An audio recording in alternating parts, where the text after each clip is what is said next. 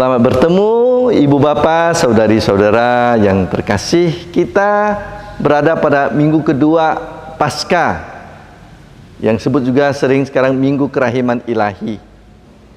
Minggu ini kita dihantar untuk merenungkan sesuatu yang menarik terutama mengenai reaksi para murid ketika Yesus hadir di tengah-tengah mereka. Tapi kita mulai dulu dengan cerita biasa seorang kosmonot Rusia, orang pertama yang terbang keluar angkasa namanya Yuri Gagarin tahun 60-an. Dan kita tahu waktu itu masih Soviet nama negaranya dan Yuri Gagarin ini orang yang tidak percaya kepada Tuhan, ateis. Lalu setelah dia selesai mengelilingi bumi, dia kembali ke bumi.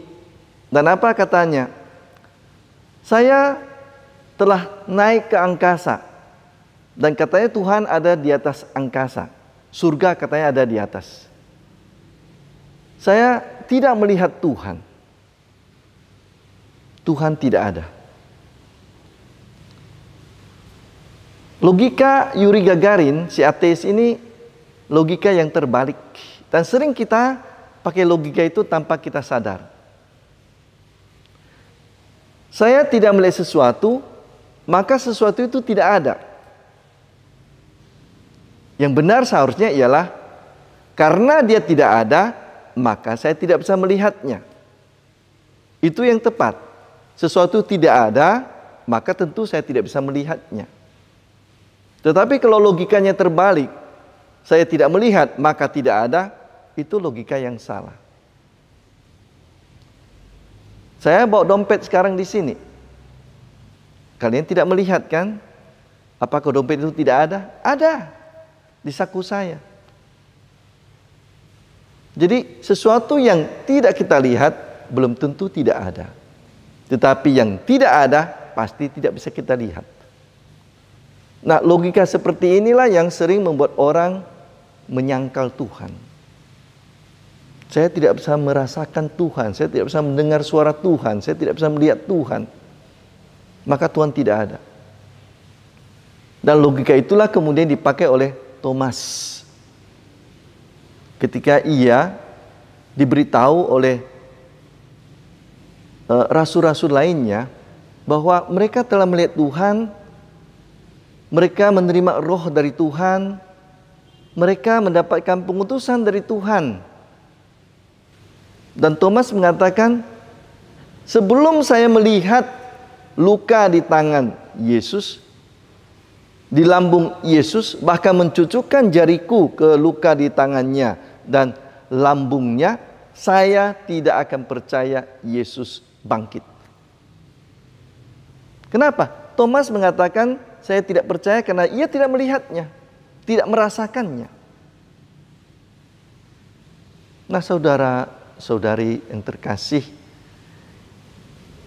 Logika seperti ini sering buat kita jadi keliru dan iman kita menjadi terganggu.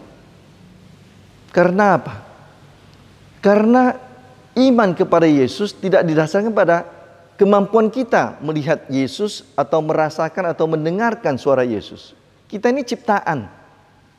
Kriteria Tuhan jauh lebih tinggi. Iman itu tidak dibatasi oleh kemampuan indrawi kita iman itu dibatasi oleh atau ditentukan oleh bagaimana kita merasakan Tuhan berbicara bukan dalam diri kita sendiri, terpisah dari orang lain, seperti Thomas terpisah dari orang-orang murid-murid lain, lalu dia tidak melihat Yesus dan tidak percaya pada Yesus. Ketika iman itu dibangun bersama dengan gereja, bersama dengan kelompok, maka iman itu akan membuat kita mempercayai kehadiran Tuhan. Lihatlah, ketika Thomas berada di luar para murid, ia tidak merasakan Yesus. Tapi seminggu kemudian ketika Thomas bergabung dengan para murid, Tuhan hadir dan Thomas yakin bahwa memang Yesus telah bangkit. Karena itu ia mengakui, ya Tuhanku dan Allahku. Saudari-saudara terkasih, untuk membangun iman kita kepada Yesus, jangan mengandalkan kemampuan diri sendiri, memisahkan diri kita dari orang lain. Tetapi kita harus bangun iman kita di dalam gereja, dalam kebersamaan. Hadir di dalam persekutuan, merenungkan bersama sabda Tuhan, merasakan kehadiran Tuhan dalam tubuh dan darah yang kita terima dalam ekaristi. Melakukan nilai-nilai Kristiani dalam bersama dengan orang lain. Seperti dalam bacaan pertama, orang-orang terpaku melihat cara hidup orang bersama dan semakin banyak orang percaya kepada Yesus. Kenapa? Karena teladan dari orang beriman pada Yesus secara bersama dalam keluarga meyakinkan orang akan Tuhan yang bangkit.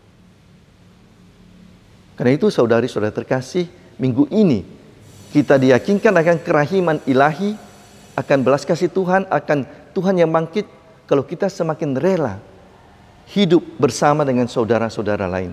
Hidup dalam iman dengan saudara-saudara yang lain hadir dalam kebersamaan dengan saudara-saudari seiman, berkarya bersama, berdoa bersama, dan kita akan dikuatkan, kita akan diyakinkan, kita akan diteguhkan bahwa sungguh Tuhan memang bangkit, Tuhan mencintai kita, Tuhan memberikan kepada kita misi untuk mengampuni, untuk memaafkan, untuk mencintai.